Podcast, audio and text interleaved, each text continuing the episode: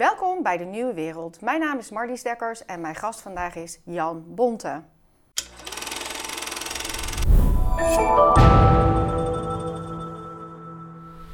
Jan, welkom. Welkom? Ja, welkom. ja, ik, we hadden het er al even over. Ehm, ik had niet gedacht dat ik hier zou zitten, maar ik zit er nu toch. Ik ben groot fan van jou. Ik volg jou via Twitter. Je hebt ook ongelofelijke humor. Ja, een beetje cynisch, hè? Een beetje, ja, maar op een, op een, hele grappige manier. Uh, jij bent neuroloog. Ja. En jij twitterde op een gegeven moment ook... je moet een neuroloog uh, niet laten vervelen of zorgen dat hij zich je, verveelt? Je moet zorgen dat hij zich niet verveelt, want dan gaat hij zijn neus in, uh, steken in allerlei dingen waar je hem liever niet hebt. En ik had nu tijd. Ik, mijn waarneming in het ICASIA werd plotseling afgebroken. Dat had ook zeker iets met mondkapjes te doen. Dus ik had alle tijd om al die artikelen te lezen. En ik heb ontzettend veel gelezen. Ik heb inmiddels een map. Ja, over, over... Alle aspecten. Met betrekking tot? Uh, corona, COVID-19. Uh, uit medische tijdschriften, maar ook algemene, uh, algemene gewoon tijdschriften, kranten. En dan wel een beetje de kranten die wat nou ja, die hoog aangeschreven staan. Newsweek, de, de Washington Post, de Wall Street Journal. Ja, Nature, maar dat is dan echt een, een wetenschappelijk tijdschrift. En ja, de Lancet viel natuurlijk een beetje door de mand. Uh, ik heb de oorspronkelijke studies in de New England Journal heb ik natuurlijk gelezen van de vaccins. Uh, daar heb ik ook twee blogs over geschreven. De tweede op verzoek, Pfizer en Moderna. En uh, ja, ik lees nog steeds veel. Ja. En aanvankelijk wist ik niet eens meer heel goed hoe een PCR werkte. Dat moest ik opzoeken, dus daar heb ik ook weer een handboek voor gekocht. En ik, oh ja, zo werkt dat. Maar als jij gaat bloggen, ik heb echt, dit is een derde, ik heb twee derde niet meegenomen. Ja. Om mezelf een beetje overzicht te geven. Dit is als jij gaat bloggen over iets. Ja, dus het, dit is, jij bent gaan bloggen over het lek in het Wuhan Lab. Ja. ja.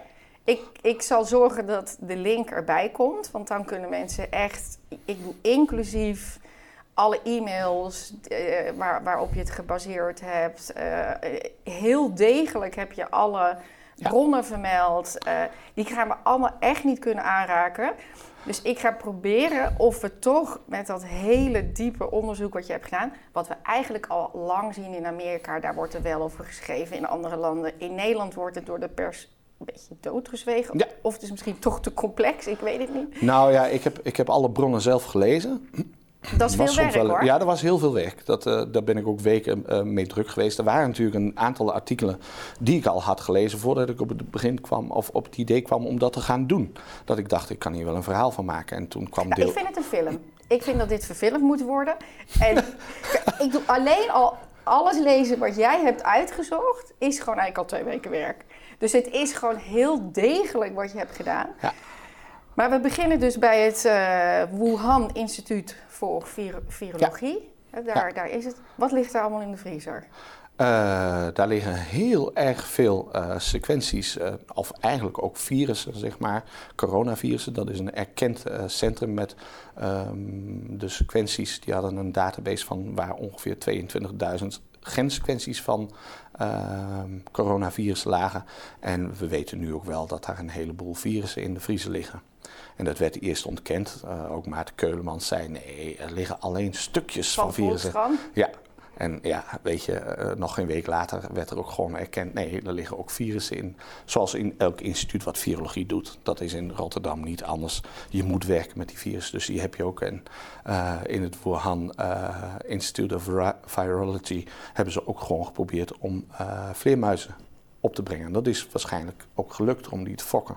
Om te kijken hoe uh, ja, want die liggen daar in principe, laten we van het beste uitgaan van de mens, toch? Ja. Om te, het te leren, te snappen, onderzoek te doen. Ja. Hoe werkt dat nu? Ja. Wat als er zoiets uitbrengt wat er nu, nu gebeurt? Ja, in principe dat is één deel van het lab. En natuurlijk zijn er wel artikelen die zeggen, ja, er is ook een militaire tak van het onderzoek. Dat zal China nooit toegeven, maar je mag ervan uitgaan dat dat in de Verenigde Staten en Rusland niet anders is.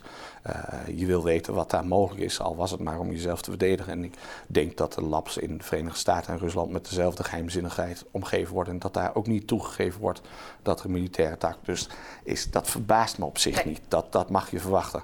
Maar er is zeker een deel die probeert te begrijpen hoe, uh, hoe een virus van dier naar mens overspringt. En ik denk. Ja, want dat is eigenlijk, weet je wel, de kern hè, van... Ja. Zit er een dier tussen? Ja. Nou, je, Of springt het echt rechtstreeks over? Ja. Kijk, een eh, SARS, ehm, SARS en MERS, daar wisten we vrij snel dat het eh, eh, zeg maar eh, de civet-kat en de kameel waren. Er zat geen tussengastheer tussen. En hier is verondersteld dat het de pangolin is, een klein schattig beestje, ik geloof een Ja, ik heb gegoogeld. Gewoon Ja. schattig leuk schubbe, schubbediertje. Ik wist ook niet wat het was, dus ik moest ook even kijken.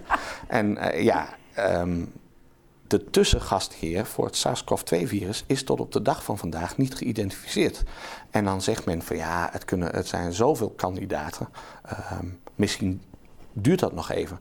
Maar voor MERS en SARS wisten ze het wel heel snel. En men heeft inmiddels eh 80.000 dieren heeft men, zeg maar, onderzocht. Daar zat het niet in. Ja, maar dat diertje, eh, wat jij net eh, noemt, dat schattige schubbediertje. ehm, ik, ik dacht dat het gewoon de vleermuis was. Dat, Ja, alleen ehm, dat is toch altijd nieuws gekomen? Dus dat... Dat was oorspronkelijk de gedachte, alleen eh, het verschil tussen de virussen zoals je die bij vleermuizen aantreft en eh, nu het SARS-CoV-2, die stap was te groot. Daar moest een intermediaire, daar moest een tussengastheer zitten. En daar is men heel hard naar op zoek geweest. En de Chinezen hebben ook geprobeerd met een aantal publicaties de indruk te wekken dat die virussen heel vaak bij pangolins voorkwamen. En dat is iets wat Alina Chan uitgevogeld heeft. Ja, daar Dat- gaan we zo meteen helemaal uitgebreid heen. Eerst, eerst even dus... Dus je hebt, er moet een... Zit er een dier tussen of niet? Nou, of komt het uit het lab, hè? Dus dat is Ja. even... Nou, Ja. En dan is er in de Lancet een brief gestuurd door een aantal Ja. Grote namen. Ja, ik Eh, geloof dat ook eh, de viroloog, hoe heet hij nou, Drosten, eh Charité stond erbij, eh Dassak stond erbij.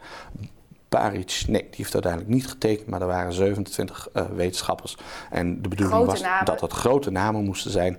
En die eigenlijk, ehm, de bedoeling van de brief was om de lab leak theorie eh, meteen naar de complothoek te drijven. En dit was maart 2020. Ja, Ja. Dus dit was eigenlijk bij het begin Ja. van de uitbraken toch wel een beetje wereldwijd. Ja. In China was het eerder, maar ja, en ik geloof zelfs, nee, dat was het andere artikel. Nee, in maart is het Maart, in de. Lancet gepubliceerd. Ja. Kritiekloos. Ja, maar ook gelijk van het kan niet uit de lab komen. Nee. Het moet een zo. Bijzonder onwaarschijnlijk. En eh, er stond zelfs dat ze eh, de Chinezen moesten ondersteunen. Ze waren transparant geweest, open, hadden meteen alle beschikbare informatie eh, ter beschikking gesteld, zei Dessek. En eh, we moeten ze steunen in de strijd tegen complottheorie van allerlei mensen met boosaardige eh, bedoelingen. Ehm, Ik kan niet precies zo terug eh, wat Ja, de zin maar jouw bronnen eh, vermelden helemaal waar we dat eh, ja, kunnen die vinden. brief is voor iedereen terug te Ja. vinden. Ehm, het was eigenlijk een, een, een, een hart onder de riem voor de Chinezen. Zo van laten we onze Chinese co- collega's ondersteunen en laten we ze niet verdacht maken. Eh, die hele lab leak theorie is onzin. Dat is eigenlijk de strekking van die brief geweest. Maar toen kwam Trump. Ja, en Trump noemde het de Kung Flu en de Chinese virus. De Kung Flu. Enig humor heeft die man wel. Het heeft niet geholpen. Het heeft niet geholpen. Het heeft niet Want- geholpen om het op te lossen Nee, snel. want toen Trump daarover begon, was dat natuurlijk koren op de molen van serieuze wetenschappers. Van ja, weet je, Die Trump, die gek, eh, die En weet nergens. Kung Flu. En Nee. hij discrimineert. En politiek, Alles erop en eraan. Alles erop en eraan. Dus dat was inderdaad niet gunstig. Dat was niet dat zei. gunstig, maar het was wel zo, waardoor eigenlijk die brief in de Lancet nog meer geloofd werd. Ja. Ja. Dus nu ook als je eigenlijk alles leest in, in eh, Amerikaanse kranten, podcasts, dus overal wordt dit gezien omdat Trump dat heeft gezegd. Dat heeft een, eigenlijk serieuze wetenschappers het niet hebben doorgevraagd van klopt dit nou wel? Ja. Ja. Ja. Toch wel een ja, nou, eh, zeg maar, toen Trump het zei, toen ging het automatisch richting complot, zeg maar. Ja. Zo van, en ja, je weet ook, de Republikeinen zijn niet dol op China. Eh, die hadden opeens een stok om mee te slaan. En dat deden ze dan Ja. ook. Ehm, daar past het perfect. paste perfect. En eh, dus natuurlijk, Trump was dat. En nu is er nog steeds een hele grote groep Republikeinen die daar eh, hard op de oorlogsstroom roffelt. Maar wel met reden. Ja. En nu ook met de nodige data en de nodige ehm, indirect bewijs dat het in in ieder geval een goede mogelijkheid is. Maar hij heeft de financiering toen ook stopgezet. Ja, hij werd gevraagd door een, uh, een journalist uit de, wat men dan de extreemrechtse vleugel van de Republikeinen. En die zei, uh, meneer Trump, waarom financiert, financiert de NIH en de NIAID, dat is een, een, onderdeel van de NIH, waarom financiert dat onderzoek in Wuhan?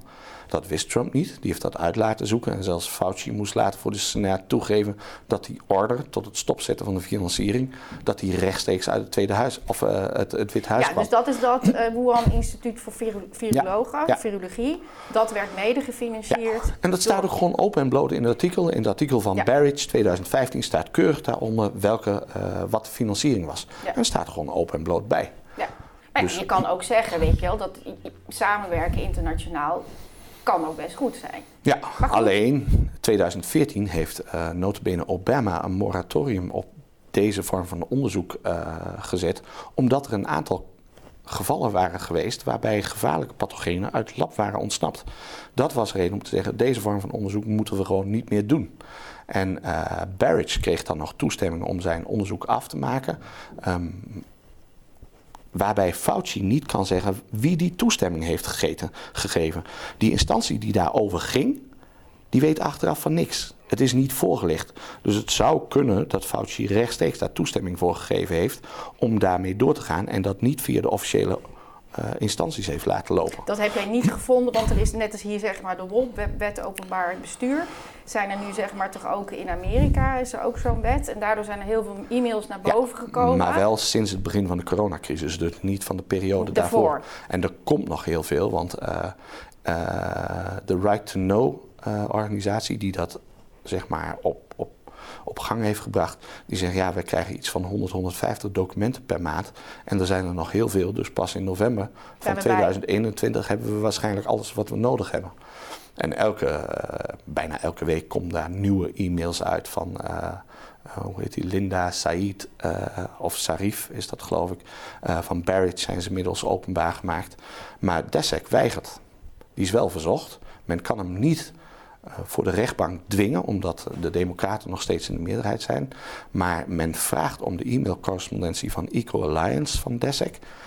Die weigert die vrij te geven. Even toch heel even, wie, wie is Pieter Dessek? Pieter Dessek een hele is. belangrijke is, rol heeft ja, hij in dit? Dat is uh, de directeur-generaal van een hele machtige uh, non-profit of een, een. NGO? Ja, dus, dus uh, charity. Dus, dus organisatie en die heeft miljarden te besteden. En die heeft onder andere dus via die organisatie dat geld doorgesluit naar de WIV.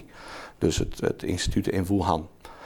Um, en hij heeft ook mee uh, die, die, die, die, die brief geschreven in maart. En eigenlijk zie je hem overal. Dat klopt. En niet alleen heeft hij de brief geschreven, hij heeft het opzetje gemaakt. Hij heeft geïnitieerd. Uh, waarbij hij heel duidelijk zei: Nou, we moeten zorgen dat deze brief uh, neutraal is. Alsof die van 27 onafhankelijke wetenschappers komt. Um, het moet geen link hebben met Equal Alliance. Het moet, geen, het moet niet de indruk maken dat hier een politiek belang speelt. En dat heeft hij heel zorgvuldig uh, geregisseerd. Waarbij hij ook tegen Barrett zei van ja, weet je, je, hoeft dat niet te ondertekenen. Want daar zat natuurlijk een, geur van politiek belang aan. En het was oorspronkelijk ook de gedachte dat hij hem zelf niet zou ondertekenen. En waarom hij dat uiteindelijk wel gedaan heeft. Ik denk gezien zijn enorme machten en zijn... Uh, in de Amerikaanse pers werd hij benoemd als He's a darling from the public. Hij kon het heel goed verwoorden, maakte een sympathieke indruk. Dus misschien is dat de reden geweest dat hij hem uiteindelijk toch getekend heeft. Nou, in, in, in de serie die hier nog van gaat komen, gaan we het beter snappen, denk ik. Want er zijn zoveel lijnen. Maar nu gaan we naar die Ilina Chan. Dus even de sfeer wat er is. Uh, even een recap.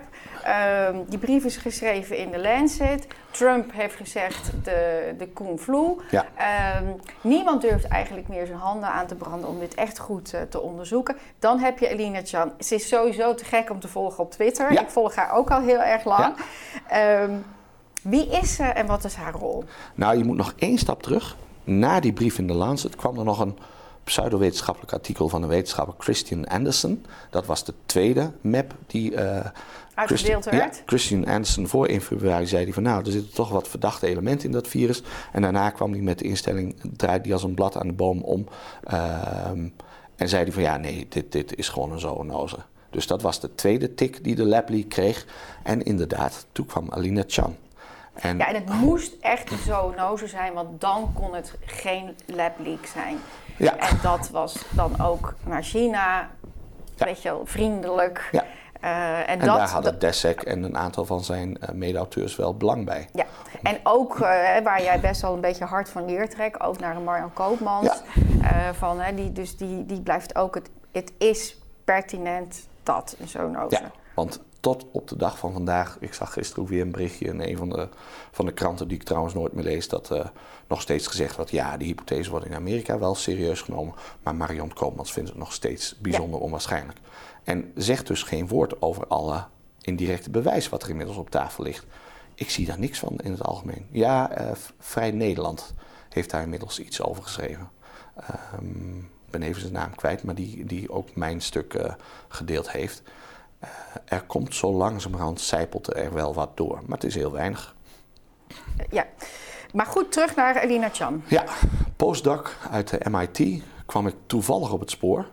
Uh, ik weet niet meer hoe, maar via Twitter. En dat is nu toch wel een heel machtig medium gebleken om heel snel wetenschappelijke kennis te berden te brengen.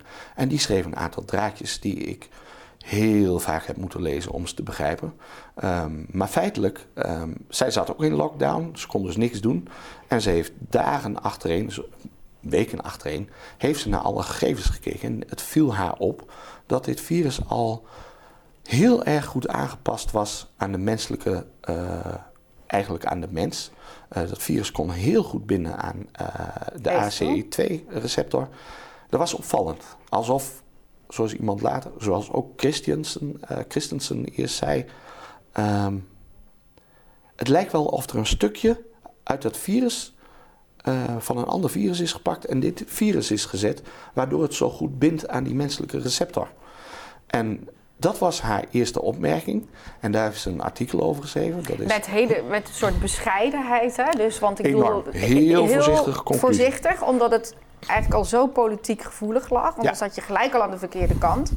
Dus zij heeft dat echt... Ja, zij, zij heeft uh, Op een, bescheiden manier... Ja, met een data-analyst die heeft tegen gezegd... wil je helpen met het schrijven van een bijzonder artikel? En uh, daar vergeleek ze de, de het beginperiode van uh, de SARS-CoV-2-pandemie... met die van de SARS-pandemie. Of epidemie is dat eigenlijk, het is nooit verder gekomen. En dan zie je in het begin van zo'n epidemie, pandemie, zie je dat zo'n virus zo gauw het van een dier op de mens overstapt, dat het zich heel snel aanpast, heel snel optimaliseert om die mens te kunnen besmetten. En dat zagen ze niet in de beginfase van die SARS-CoV-2-epidemie. En dat was haar conclusie. Hoe kan dit? En ze heeft niet de lab leak uh, genoemd, ze heeft alleen gezegd: dit virus lijkt heel erg optimaal aangepast aan de mens. En het verandert na het overspringen nauwelijks. Dat is niet wat je verwacht. En dat heeft ze heel zorgvuldig en heel, um, ja, heel bescheiden opgeschreven. En uh, ik ben even de zin, die heb jij wel van. Uh, That was when the shit uh, came over me. Of ja, zoiets. Ja, ja, ja, ja, ja, dat zegt ze. Ja, van, door dat te zeggen. Maar dat was eigenlijk nog wat wat gezegd werd, dat het, het kan dan, zou het misschien via een superspreader. Ja, dat was, was, dat was een beetje dan. Uh, ja, misschien even uitleggen. Wat... Nou, een superspreader is iemand die dus hoge viral loads heeft, dus heel veel virus bij zich draagt. En dan um, heel veel mensen besmet. In, de modellen van de RIVM wordt bijvoorbeeld uitgegaan uh, als de R-factor 2 is, die R-factor weet in ieder geval, dat 10 mensen 20 mensen besmetten. Dat is niet zo. Die verspreiding is heterogeen. Um, het getal zegt wel dat iedere patiënt twee anderen besmet. Maar in feite komt erop neer dat twee van die 10 mensen besmetten 20 mensen, die andere acht niet. En dat, is het dat noemt men dan een superspreader. En dat noemen ze dan heterogene verspreiding. De ene persoon kan heel veel mensen besmetten, de andere die de ziekte heeft besmet nauwelijks iemand. En ja, die aanwijzingen zijn er genoeg dat deze pandemie gedreven wordt door superspreaders. Um, en niet doordat ieder mens dezelfde kans heeft om een ander te besmetten. Het zijn altijd de superspreaders die dat doen.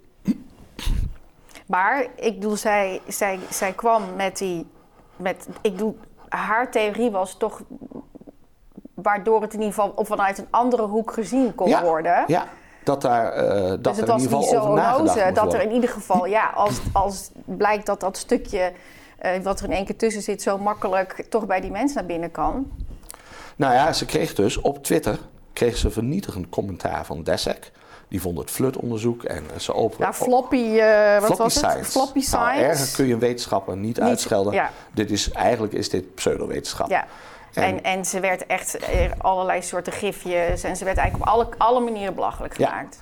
En ja, toen En op dood bepaalde manier, maar dat Ja. heeft ze dus niet gedaan. Nee, dat is uitzonderlijk. Eh, want wat zij durfde, ze gaf hem repliek. Of ze diende hem van repliek. En goed ook. Feitelijk legde ze Best, best bijzonder, hè? Want Ja. wat jij ook, ook zelf schrijft, het is natuurlijk behoorlijk macho. Zeker in, in die wereld Het is ook. apenrots. Het is apenrots. En de Dessek En zij is toch eh, net een stapje onder, zit ze in een Dessek bijvoorbeeld. Ja.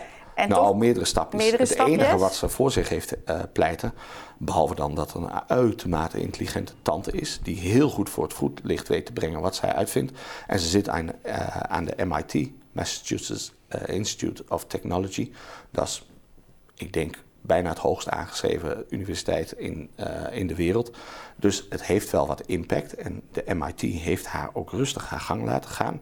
Ehm, ook bijzonder, want Ook op best bijzonder. veel universiteiten overigens allemaal teruggevlogen. ja, dat heb je in Nederland gezien en daar ook, Ook in wel. België. Eh, Ja. Oh ja, misschien inmiddels ook wel. Ja.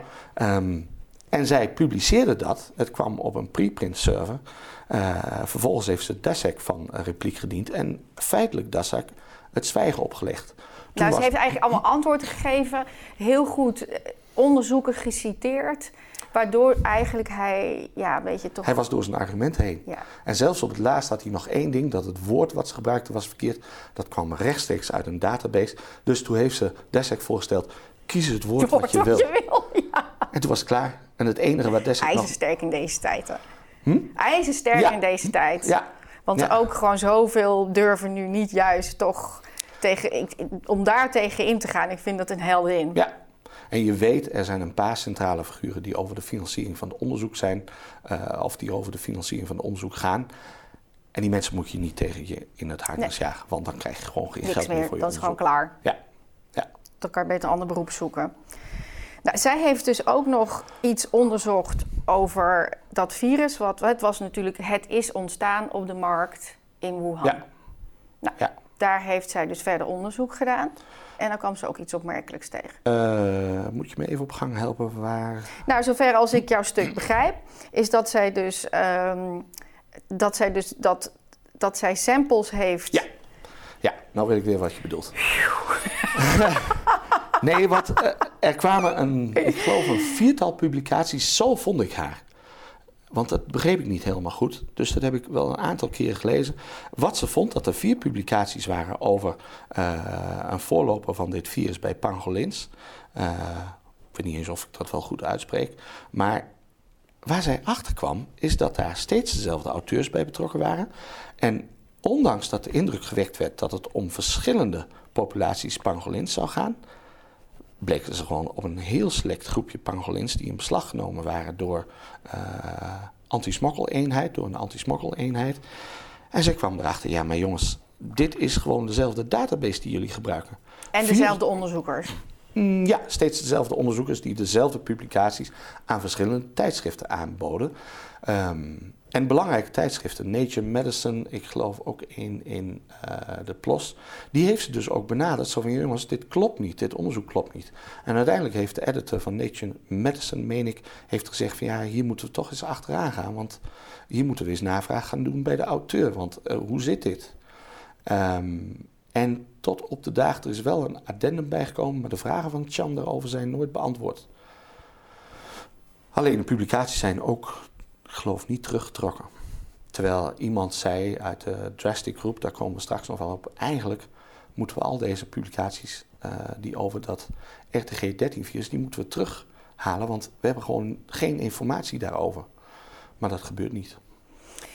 Dan vond ik heel opmerkelijk dat de vleermuis 1600 kilometer van Wuhan verwijderd Ja. is. Kijk, je hebt één officieel laboratorium in China, Ja. Ehm, een uitbraak van een virus in China, dat is op zich al een kleine kans dat het dan toevallig in die stad gebeurt of in die regio.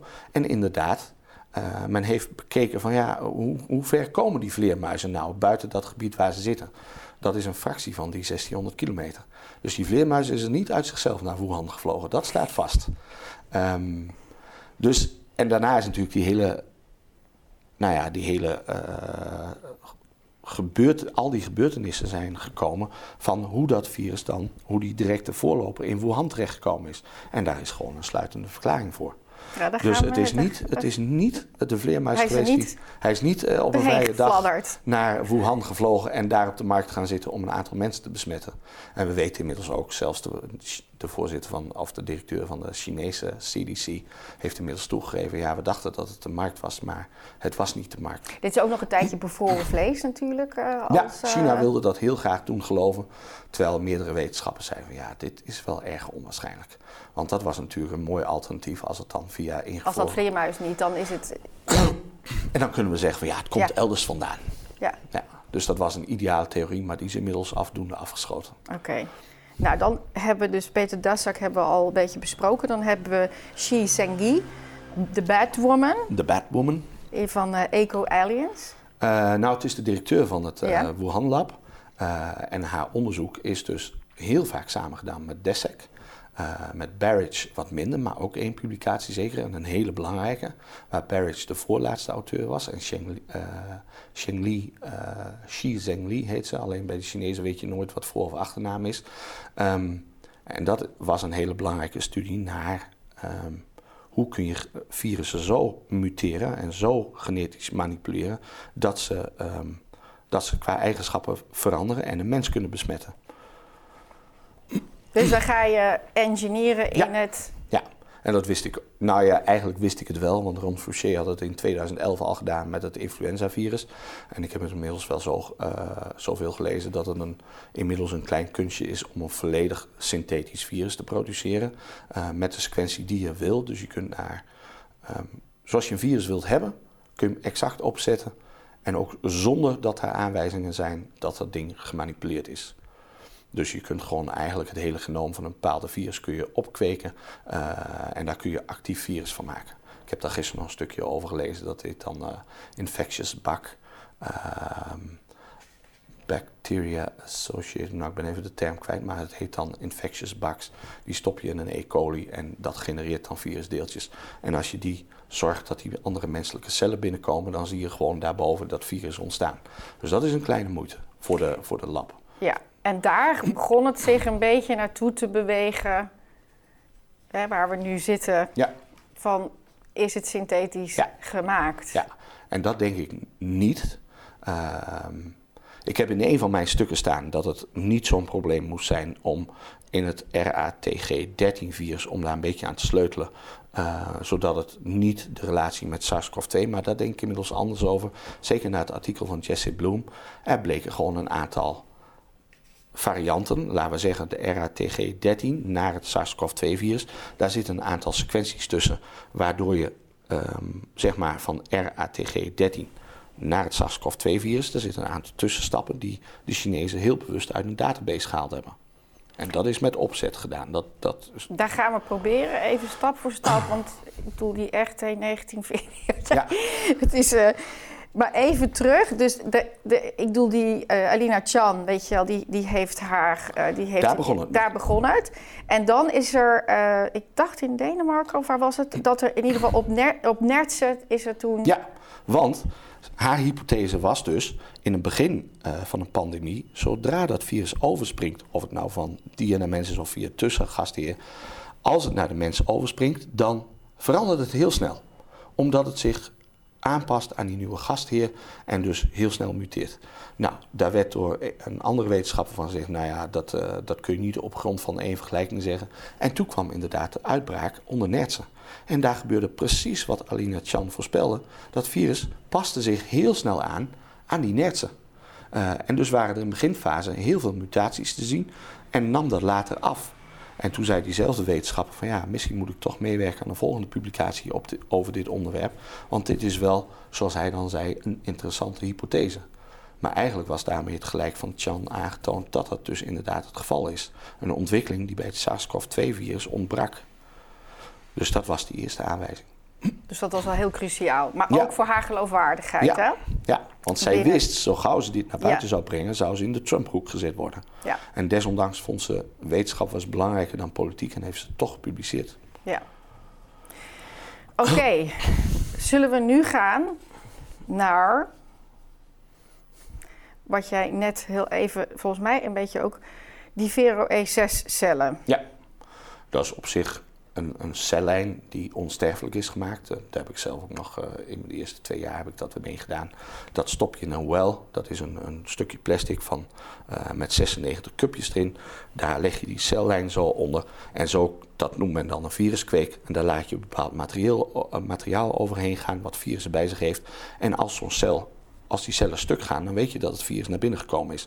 Blijven die cellen gewoon heel, dan zit er dus geen infectieus eh, virus in. Maar het is gewoon, ik weet niet of het nou van een nierceltumor is, ik, ik heb het geweten. Maar het is gewoon een onsterfelijk gemaakte cellijn die je voor heel veel onderzoek kunt gebruiken. Onder andere dus voor virus.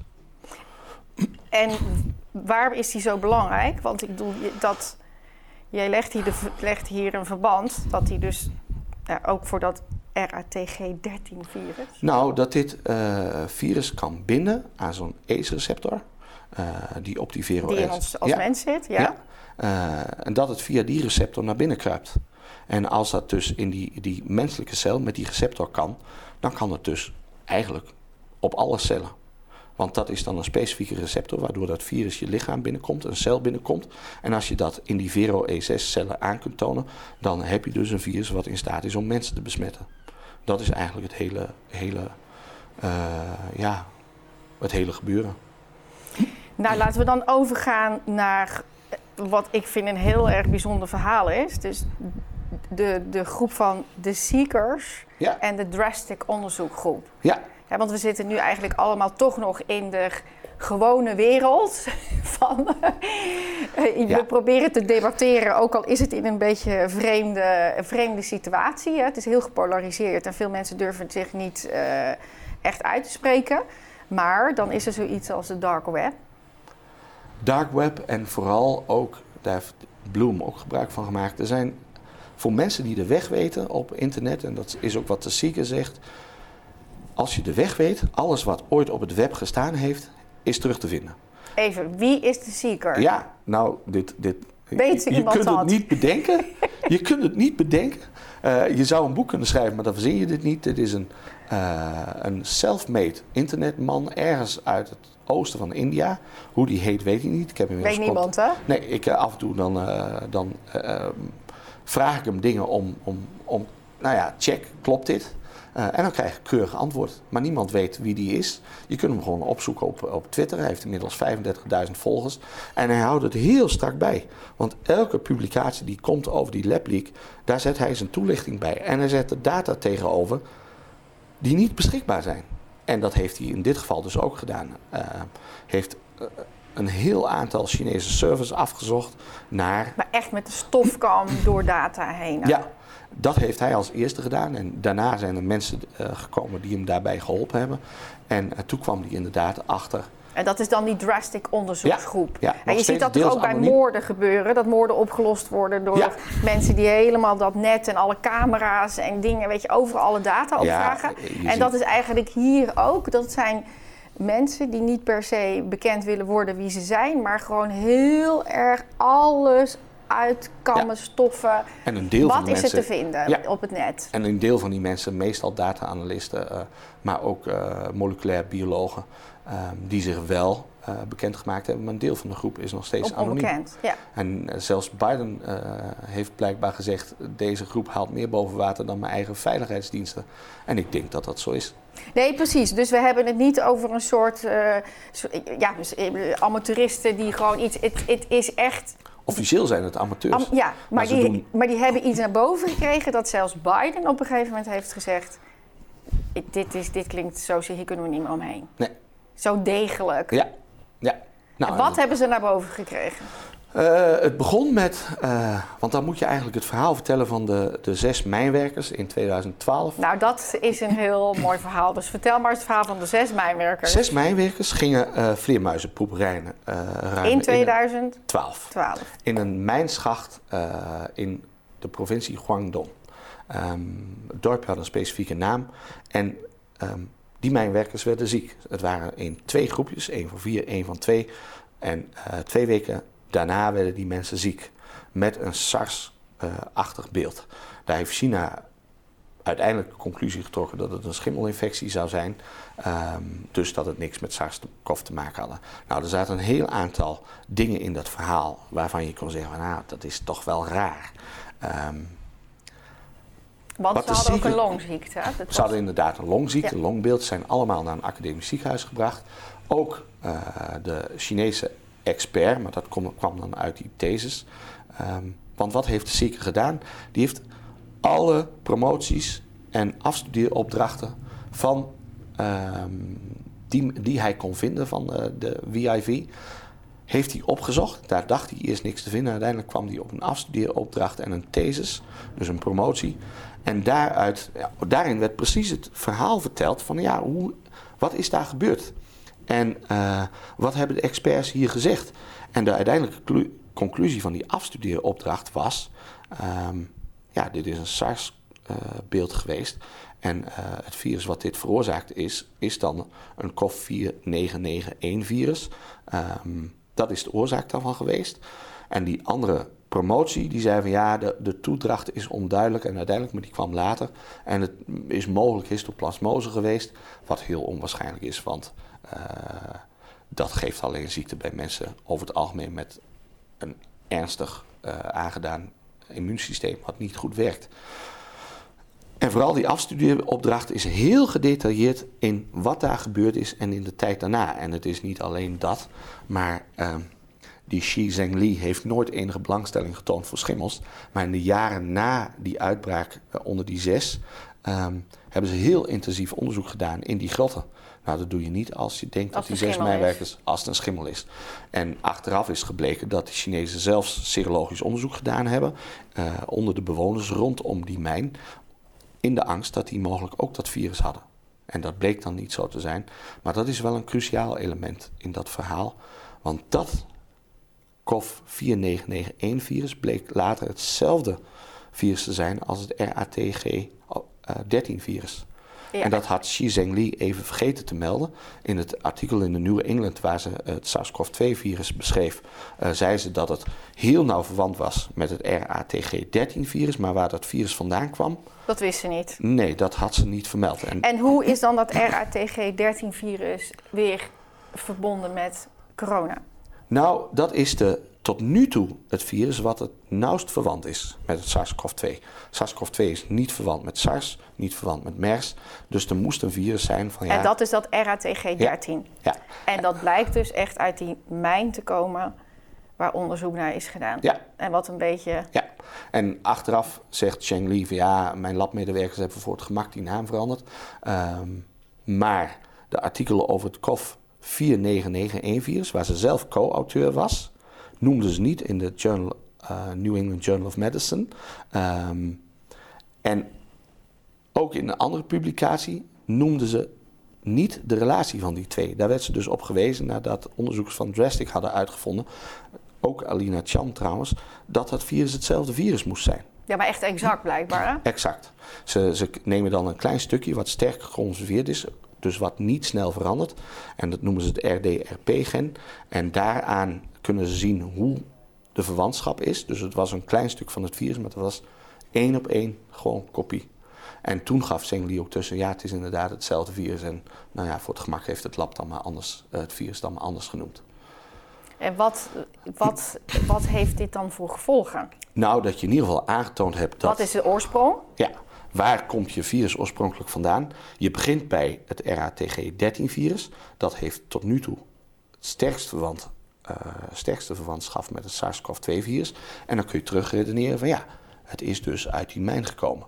Dat mag je vaststellen. Ja, als we dit eerder hadden geweten, had je dan ook eerder een goed geneesmiddel kunnen maken? Of eerder...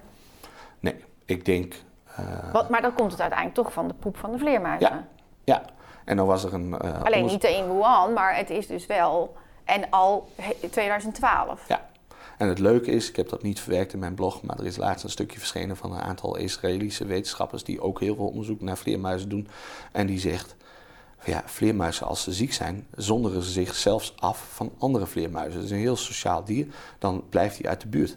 En feitelijk was er een conclusie, als men, geen, als men niet zo fanatiek op zoek geweest was Naar. in grotten, dan we was dit dit- waarschijnlijk niet gebeurd. En dat is wel een verregaande conclusie. Maar mensen als Koopmans en Fouché... die eh, slaan steeds op de trom, trom van een zoonose. Maar het is wel erg vervelend als blijkt dat je eigen eh, experimenten... de oorzaak zijn van zo'n pandemie. En daar komen we straks denk ik ook nog wel wat verder op. Maar eh, onderzoekers van vleermuizen zeggen... ja, je had daar gewoon uit de buurt moeten blijven. Vleermuizen zoeken mensen niet op, dat is ook zo. Die blijven bij mensen uit de buurt. Dus hoe springt het dan over? Had je je neus niet in die grotten laten zien... dan had, Had je nooit dat virus eh, gehad.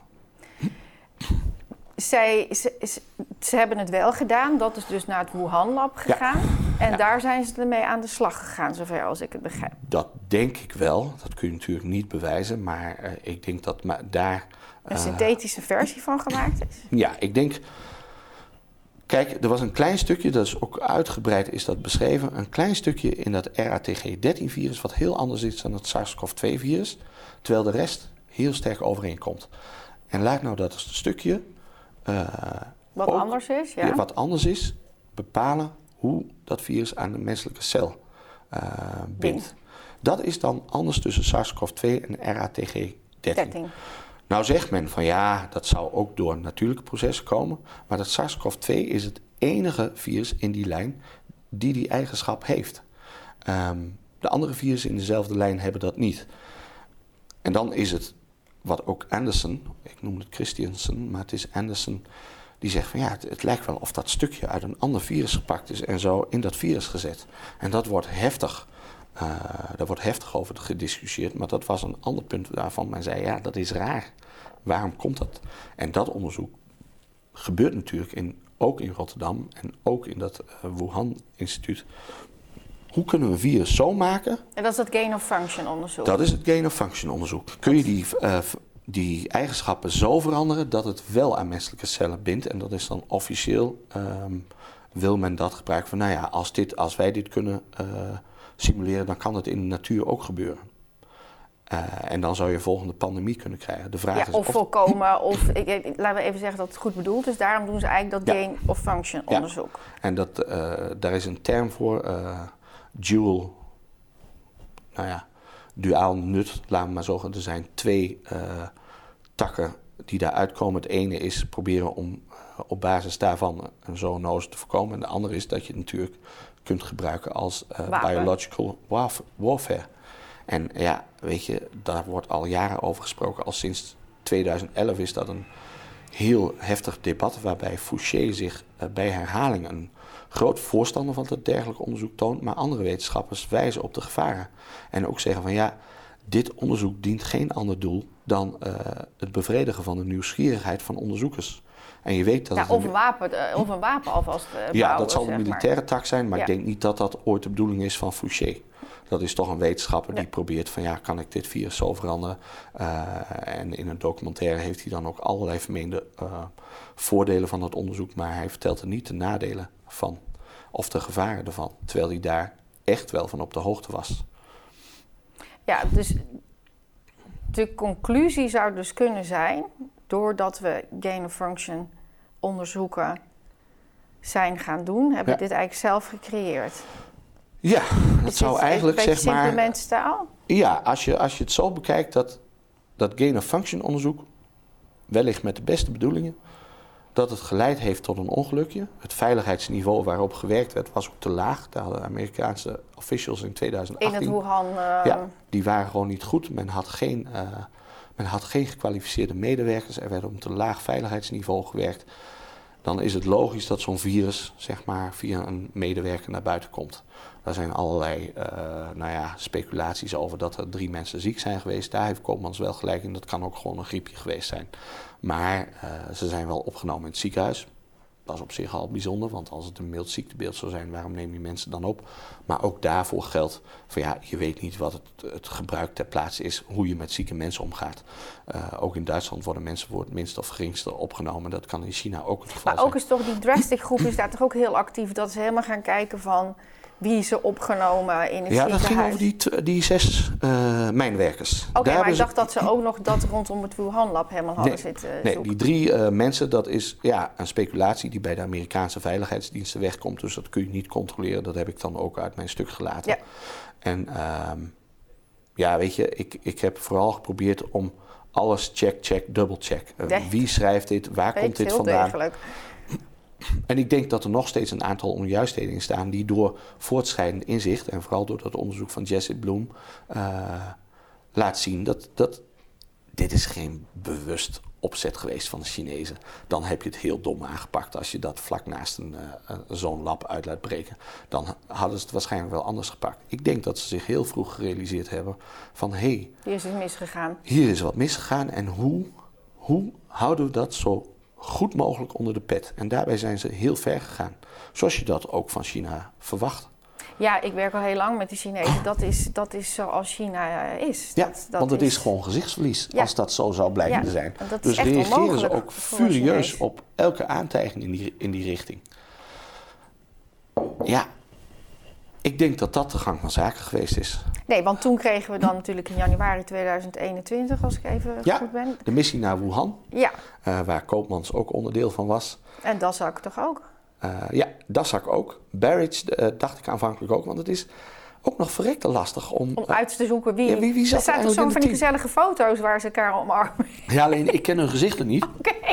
Dassak herken ik Ik heb ook al die gezichten zitten googelen, googelen die jij eh, allemaal hier noemt. Nee, er zijn een aantal mensen die zijn openlijk naar buiten getreden. Vooral om een kritiek te uiten. Nou, van Marion Koopmans wisten we dat ze onderdeel was. Van Dessek werd al vrij, goed, eh, goed, al vrij vroeg gezegd van... ja, deze man heeft zoveel conflicterende belangen. Die had eigenlijk niet in dat team mogen zitten. Nou, omdat hij van tevoren eigenlijk al heel erg eh, vriendelijk naar China was. Van, eh, Zacht uitgedrukt. Zacht, ja, van eh, En- dit- jullie zijn absoluut niet de schuld. Het is een zoonose, dus Ja. het kan niet zijn dat het bij, uit jullie lab komt. En hij had natuurlijk, ik geloof, ik heb er ergens genoemd... hoeveel publicaties hij samen met Sheng, eh Met de Sheng had. Kortom, hij was aan alle kanten... laten we het maar zo noemen om in terminologie te blijven... hij was aan alle kanten besmet. Maar de Chinezen hadden dus, je, je had de WHO en, en de Chinezen hebben ook afgedwongen, wij mogen dat team zelf Nou ja, ze kiezen. moesten het er samen over eens worden. Maar dat betekent dus letterlijk dat China een veto had over de deelnemers. De Amerikanen hebben vier kandidaten aangedra- ge- aangedragen. Alleen Dessek werd eh, gekozen. Kozen. En blijkbaar had China ook geen, geen bezwaar tegen de deelname van Marion Koopmans. En een van haar medewerkers uit haar eigen lab heeft ook die brief in de Lancet ondertekend. Ene Bart Haagmans. Ik had er nog nooit van gehoord, dus toonaangevende is hij zeker niet. En bekend in de, in de internationale wereld van de wetenschap op dit gebied blijkbaar ook niet. En dat is niet de zware naam die je graag bij zo'n publicatie wil hebben, maar die van hem staat er wel. Koopmans Fouché niet, maar hij wel.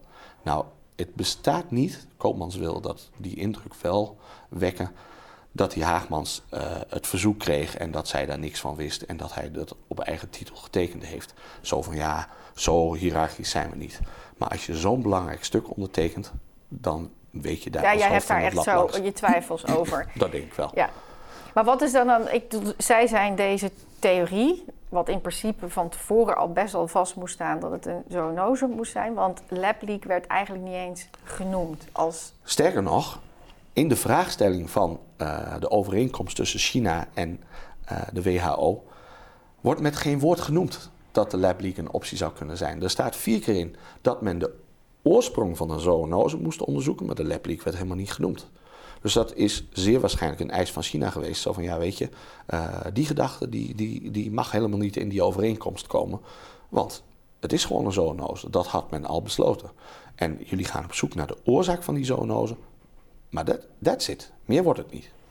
Ja, en dan moeten ze eerst twee weken in quarantaine. En daarna zit er eigenlijk een hele Chinese Ja, volledig gecontroleerd controleer. Ja, maar ja, zo ken ik ze ook. Ja, Dat, is, Ja, dat, gaat ook dat niet. hoeft ook niemand te verbazen. Dat gaat ook niet anders. Dat, dat gaat daar ook niet anders gebeuren. Waarom ga je, ik geloof, de tweede dag naar een, een, een tentoonstelling waarin eh, China geroemd wordt om haar snelle en effectieve aanpak Ja.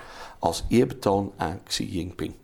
Ik bedoel, dat heeft niks meer met wetenschap te maken. En dan zeggen een aantal leden uit het team van ja, het was om politieke goodwill te kweken. Ja, dat zou ik ook nog kunnen voorstellen. Je moet toch ook ergens, weet je, proberen reaching uh, hand. Maar ja, ze gaan niet met de billen bloot. Nee, en dan zegt Marion Koopmans, dat is nog het leukste in het Algemeen Dagblad. Die zei van ja, natuurlijk was er wederzijds wantrouwen. Dat hebben we naar elkaar uitgesproken. En daarna hebben we het lekker over de inhoud gehad. Of ze heeft zich niet gerealiseerd, of ze wist het donders goed. Maar er was het jaar daarvoor, was door de CDC al besloten, elke publicatie over COVID-19 moet langs ons. En wij keuren goed of het geschikt is voor publicatie. En kort daarna zei Beijing, gewoon het centrale regime, er wordt niets gepubliceerd zonder dat wij hier goedkeuring aan verlenen.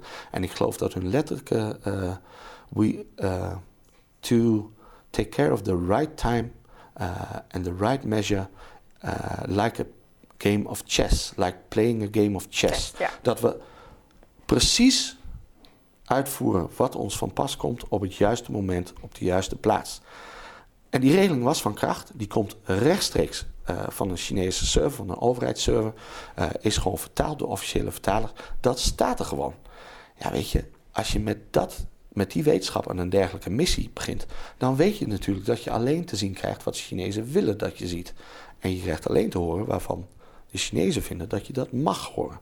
En de rest wordt keurig onder het tapijt gestopt. Maar wat, ja, misschien overvraag ik je nu hoor, maar wat als, hè, want Biden heeft nu ook gezegd, hè, van, eh, ik weet niet hoeveel weken we nog inmiddels hebben, maar... Ik geloof nog een week of twee, drie. Ja, Van, hè, dan, dan moet het echt boven tafel. Nou, als dit gevolgd wordt, dan is het dus inderdaad een lab, komt het uit het lab.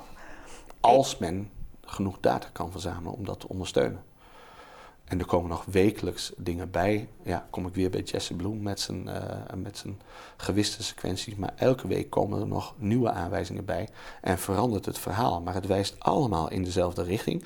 Dat China in ieder geval geprobeerd heeft te verdoezelen.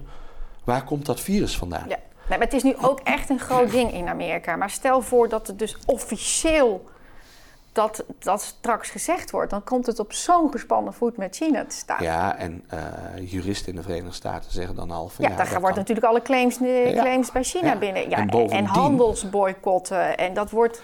Kijk, nu laten we onze iPhones in China maken. De grondstoffen voor alles, medicijnen komt daar. Goedkope komt medicijnen daar komt daar vandaan. En als dan blijkt dat dit begonnen is in China... Het is niet te overzien. Nee, nee dat is niet goed voor de internationale relaties.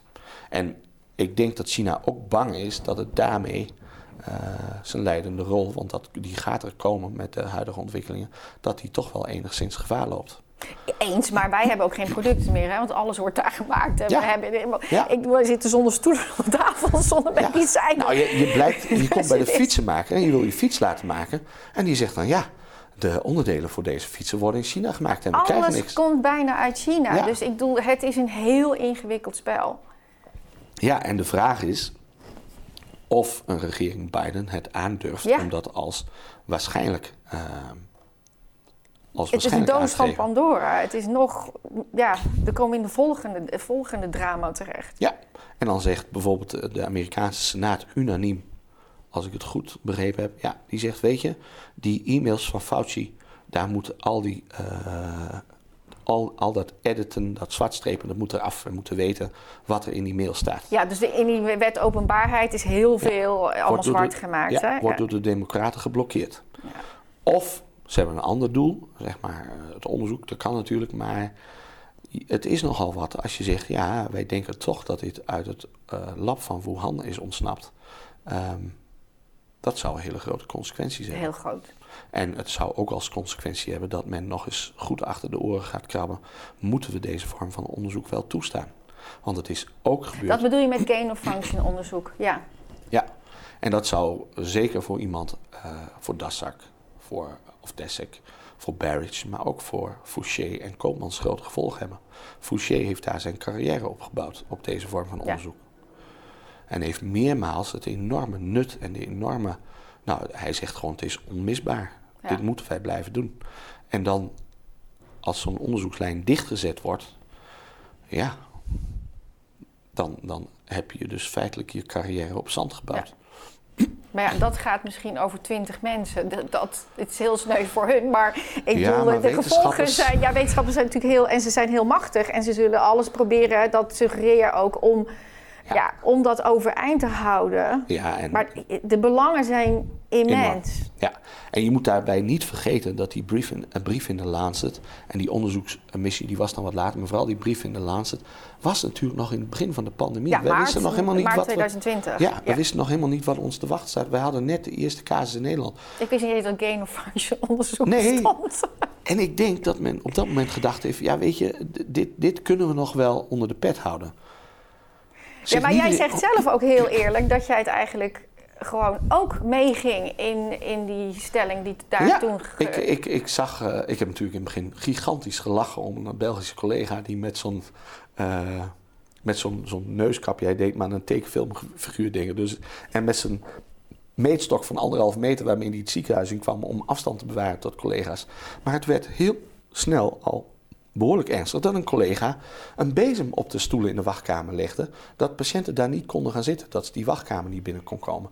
En hij had dan een vrouw met, eh, wel met een immuunstoornis, zeg maar, dus ik kan me dat wel enigszins voorstellen. Nee, maar dat is dat de maatregelen heel serieus werden genomen. Maar jij bent... Maar ik dacht in het begin, ja, eh eh, flatten the curve klinkt mij logisch in de oren. We moeten zorgen dat de ziekenhuizen niet overstromen. En ik weet ook nog dat ik tegen de eigenaresse van, eh, van het hotel waar ik verbleef, die zei, wat als wij dit straks in Nederland krijgen? En toen was het eerste wat ik zei, dan hebben we een groot probleem op de IC, want we hebben nu al regelmatig capaciteitsproblemen. Eh, ja, en die Chinezen kunnen wel 60 miljoen in lockdowns eh, brengen, maar dat gaat hier in Nederland natuurlijk nooit gebeuren. Ja. Maar ook dat het een zo zoonose was. Ja. Dat was ook voor jou. eh, Maar was hoe... voor MERS en SARS ook het geval. Ja. Dus waarom niet voor dit virus? En eh, toen Kijk ik... jij nu anders tegen de wetenschap aan? Ja. Of is, is er bij jou wel een voor en na?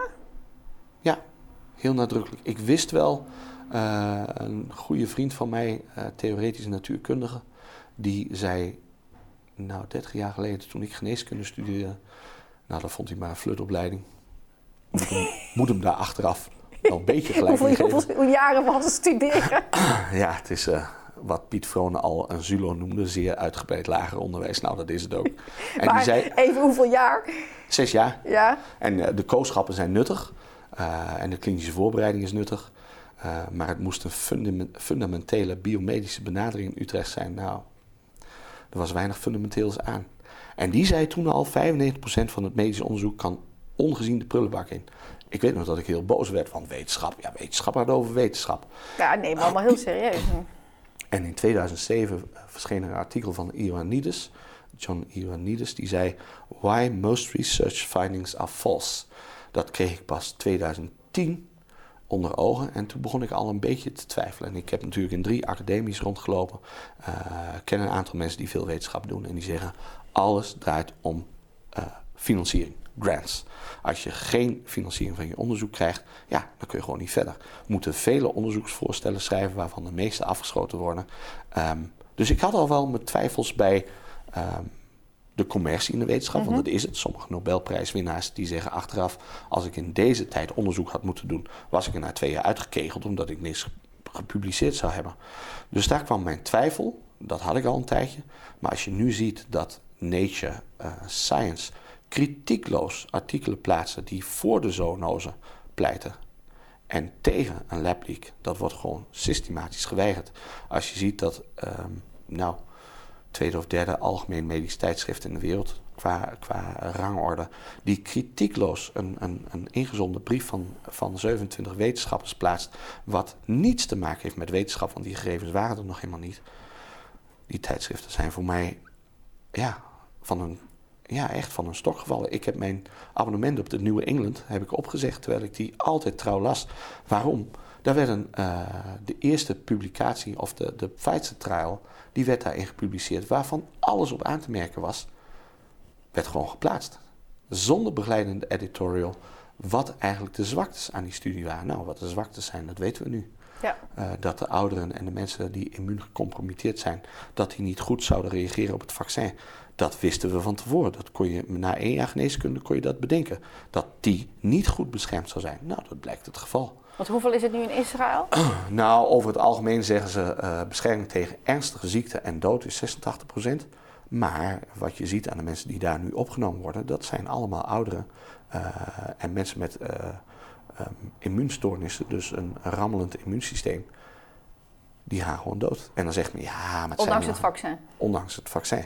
En nu heeft men het in Israël al over een derde. Ja, boosters. Ja, en dat begint hier ook al langs te komen. Janssen, ja, één prik zal voldoende zijn. Janssen met Janssen, dansen met Janssen. Maar nu heb je, beide, uh, nu heb je blijkbaar een tweede prik nodig. En wat me nog het meest verbaast, en ik denk dat Schetters daar veel meer over kan vertellen.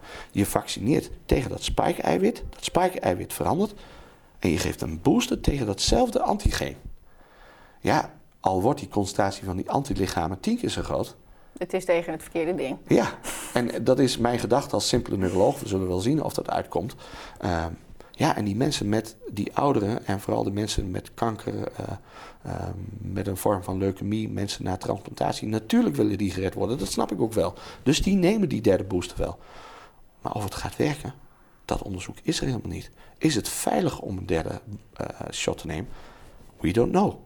In één artikel, dat is nota bene, dat ging over de ADE, zullen we het verder niet over hebben. Daar heeft Theo Schetters wel het een en ander over verteld. Daar wordt onder andere ook benoemd dat Um, tegen het vetbolletje, tegen één component daarvan, bestaat een allergie. Veel mensen hebben antilichamen, blijkt niet zo heel relevant. Maar men zegt wel, als je mensen daar herhaaldelijk aan blootstelt, dan neemt die allergie zeer waarschijnlijk toe, zoals we dat uit de allergiewetenschap uh, uh, ook weten. Hoe vaak kun je dit doen? Hoe vaak kun je dit vaccin toedienen? We weten het niet. Nou Jan, ontzettend bedankt. Ik uh, zal zorgen dat de link voor mensen die zich echt heel jouw onderzoek werk wat je allemaal hebt gedaan hier voor uh, Wuhan uh, Leak. Om, ja, je als je al. dat gedegen wil lezen. Ik denk dat we het in ieder geval in grote lijnen een beetje hebben ja, kunnen bespreken. Ik denk dat je het inderdaad niet dat ik reclame wil maken. Het blijft. Ik heb mij voorgenomen dat mijn hele website blijft bestaan. Al was het maar om later terug te kunnen kijken. Ja. Heb ik het juist gezien? Heb ik het niet juist gezien? En ook... Nou, jij past ook dingen aan. Ja. Hè? Dus ook als je weer nieuwe informatie hebt. Dus eigenlijk alles wat je kan vinden. En ook wat je vindt bij de Seeker, Drastic Groep. Kijk, Eh, als, iemand als ik- gewoon denkt, ik heb ik allemaal geen tijd voor, dan kunnen ze gewoon dat bij jou vinden. En dan nog kost het heel veel tijd. Ja, maar ik- het is in ieder geval, denk ik, voor mensen die echt geïnteresseerd zijn, heel zinvol. En Jan, dank je wel voor al je tijd. We moeten afronden. Dank je.